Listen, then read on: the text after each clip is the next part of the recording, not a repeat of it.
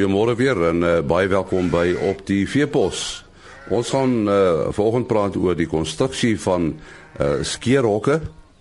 Dan is daar 'n bydrae oor biologiese vliegbeheer. Ons uh, gaan nou gesels oor oor skeerhok konstruksie en ontwerp. En uh, daaroor praat ons met Gerald van Herden wat uh, gaan leer dit by die Nieu-Seelandse en Australiese boere die kundiges daar.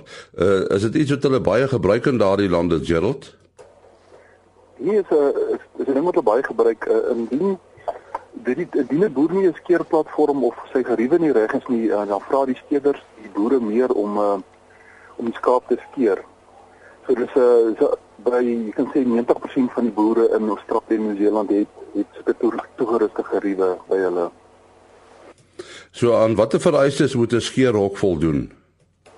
Ehm um, die ding is elke skeder wat ehm um, elke skeder het sy eie kraakie waaruit hy sy skaap vang. So hy hoef nie so ver te loop om die skaap te gaan haal nie. Dis basies 2, 3 trede het hy sy skaap en dan as hy skaap klaar geskeer het, dan gly die skaap in 'n in 'n glygeet. Dan stap hy onder die hortjies deur. So jy hoef ek nie so ver te loop om jou ehm um, die skaap te gaan haal nie en dan is hy gelig van die grond af. Hy's so 800 na 850 mil gelig van die grond af. Ehm um, so dit maak dit vir die mense wat die wolkklas op baie baie beter om nie so af te buk om die grond om die vagte op die grond op te tel nie. En hoe ontwerp mense skeerhok as 'n mens nou be, begin outomatiseer? Ehm um, Ag, ek begin maar met ek gaan kyk na uh die, die boer se opset. Uh hoe lyk dit? Ehm um, waarvan af kom sy skaap en goeders? En daarvan af dan gaan 'n ou hier beplan nou vir hom vol, volgens dit beplan jy vir hom ehm um, hoe dit vir hom die beste gaan werk om om skeerplatform in te sit. En, en waarvan word hierdie skeerplatforms normaalweg gebou? Uh jy gebruik ehm um, gewone essay pine vir die vir die konstruksie onderkant en dan ehm um, gebruik ek uh, glucomout, redgum of quarrygum. Dis nou vir die hortjies wat is 'n baie harde hout, so die skaap trap hom so gou rond nie. En dan my reëling bo-op gebruik ek uh, staal, staalwerk. Jy praat van die hortjies. Hoekom is dit belangrik dat daar hortjies is? Ehm um, die hortjies is vir die, die mis kan deurval. So as die skaap op die hortjie staan, dan val die mis en die urine val deur tot op die grond aan die onderkant ehm um, dan as die skaap gly en so dan is dit nie uh, morserig vir die wol anders dan dan dan hou dit baie skoner en jou wol word ook nie so vuil as 'n skaap sien hom gaan val of gaan lê op die op die hortjies nie. So hierdie hortjies dan eintlik die vloer, hoe hoog moet dit bo kan die werklike vloer wees? Ehm um, ons praat so van 800 na 850 mil wat ek die vloer vanaf die grond ehm um, opsit. So 'n mens moet maklik uh, toegang kan verkry tot uh, die onderkant verskoon maak, nê? Nee. Ja, jy moet nog steeds kan toegang hê tot die onderkant om al die mis en die urine wat opbou. Ek die mis en die urine maak bietjie ammoniak, so dit is eintlik 'n baie slegte ehm um, reuk wat dan in is. So jy moet maar uh, toegang hê dat jy kan redelik die die mis en die urine kan uitkry aan die onderkant. En uh as jy mens nou na skeerhokke kyk, uh daar's nie net een skeerhok nie. Hoeveel skeerhokke het boere normaalweg? Jy weet die die, die groot die meeste spanne deesdae is 4. Is 4 masjienskeerders.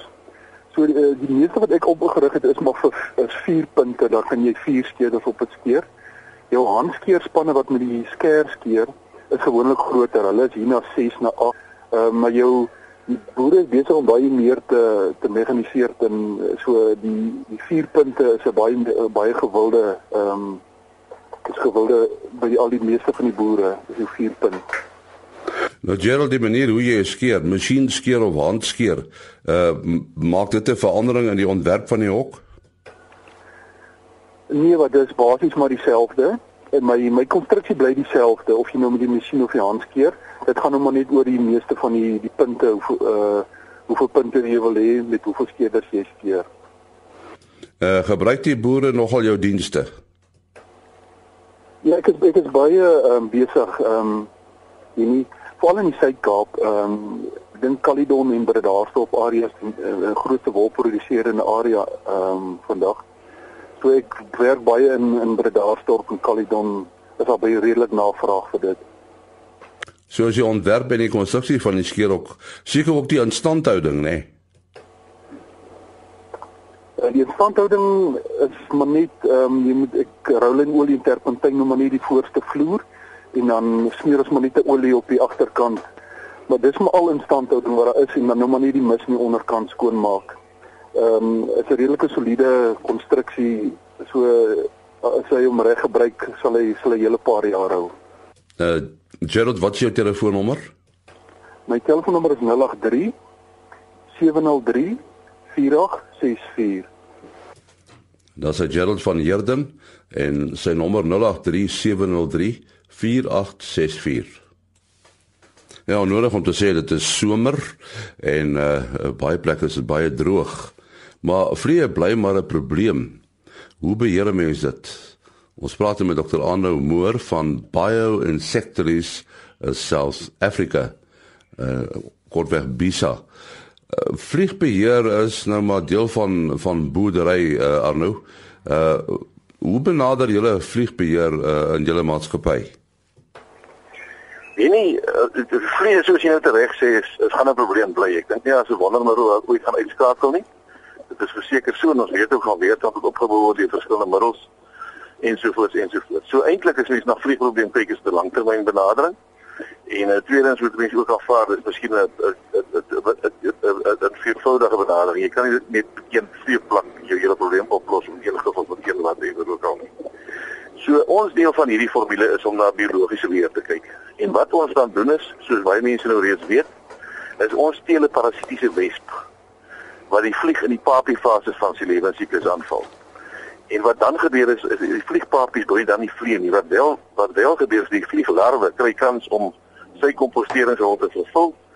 Maar na verpaping val die wes die die die, die vlieg die papiefase dan in dan broei daai vlieg net nie uit nie. So vlieg word minder omdat hulle nie uitbroei nie. En dit is natuurlik ook die groot voordeel van na, na my mening dat 'n vlieg wat jy nie sien nie kan jy nie plan nie. En iets wat jy kan doodgooi voor hy daar is, is natuurlik van baie waarde vir vir 'n vir 'n veeboer. Uh is vliee belangrik uh, in die biologie? Vliee beslis soos enige organisme het 'n rol in die ekologie te speel. En uh daar is seker baie baie maniere maar prakties gesproke uit ons hoek gesien is 'n belangrike rol in reeds in vliegbeheer is dat die vlieglarwe 'n baie effektiewe uh, komposteerder van van materiaal is, van proteïen en energie. En mense sal ook vind dat 'n ou mis vliee nie uitbroei nie, omdat die omdat die kos reeds uitge, uitgewerk is uit uit deur die larwes. En daarom is dit as jy daarom is dit ook belangrik om die larwes kans te gee om sy werk te doen. Want dit vir dit verminder die vlieguitbroei potensiaal van die van die vliegbroei medium op jou plaas. So hoe gaan mense nou te werk om hierdie hierdie wesp uh, aan die werk te kry? Wat wat wat baie belangrik is, 'n eerste vraag wat wat wat wat ek gewoonlik vra vir vir voornemende kliënte is of hulle weet waar hulle vlieg uitbroei, want jy moet dit doen. Die die die jy kan nie die wespe net sommer probeer weer plaas uit sit 'n wyse steen byvoorbeeld nie. Maar wat jy tipies kry waar vlieg probleme is, is daar sogenaamde hotspots. Dis plekke waar mis op een loop waar voer verspil en waar dit klam is. En op sulke plekke kan jy maklik identifiseer as jy daar moet stokkrap, dan sal jy baie keer sommer die larwe sien wrimmel in die in die, in die medium.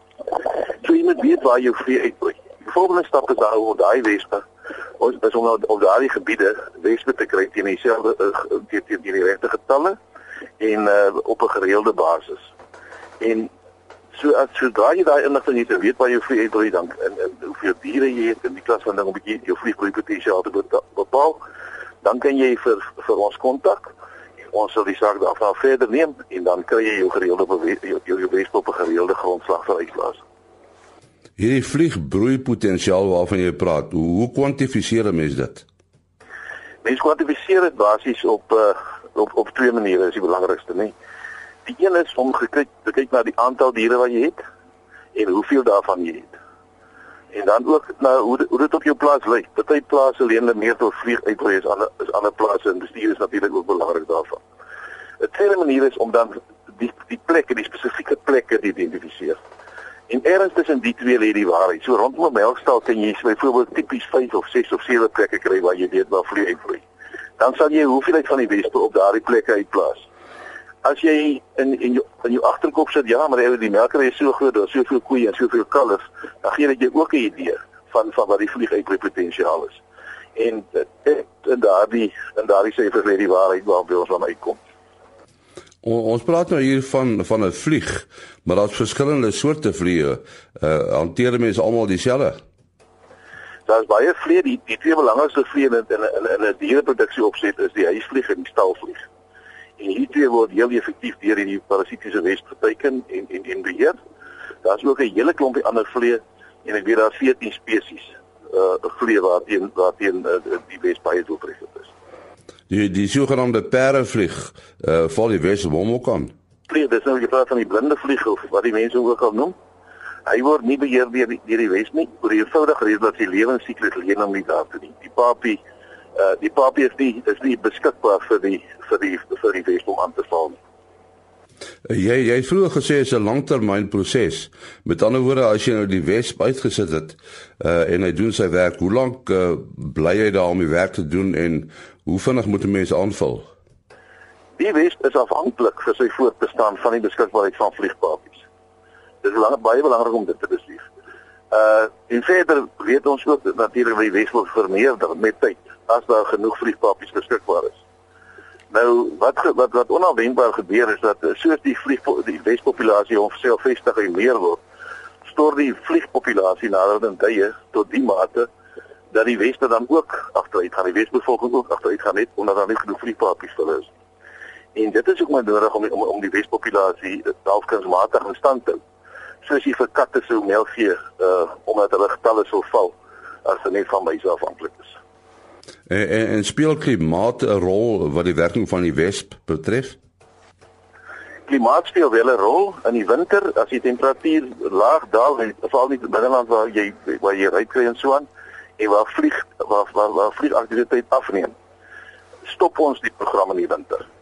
Maar hier teen die kus langs en waar dit nie in die winter so koud raak nie en waar vliegaktiwiteit aan die gang bly met 'n mens deur die jaar, maar uh, kyk na vliegweer en dan word die ekstra veel vliegstof. Uh by plekke soos voerkrale is vliegbeheer natuurlik baie belangrik, nê? Nee?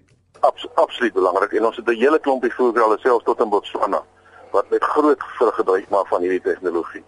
En wat wat wat eintlik uh, hulle is hulle is afhanklik geraak van die tegnologie omdat dit so vir hulle so goed werk. Arno, jou telefoonnommer? My telefoonnommer is 083 270 4866. Baie dankie dokter Arno Moore van Bioinsectary South Africa. Daai nommer weer 0832704866. Ons is môre om 4 voor 5 weer terug. Tot dan, mooi loop.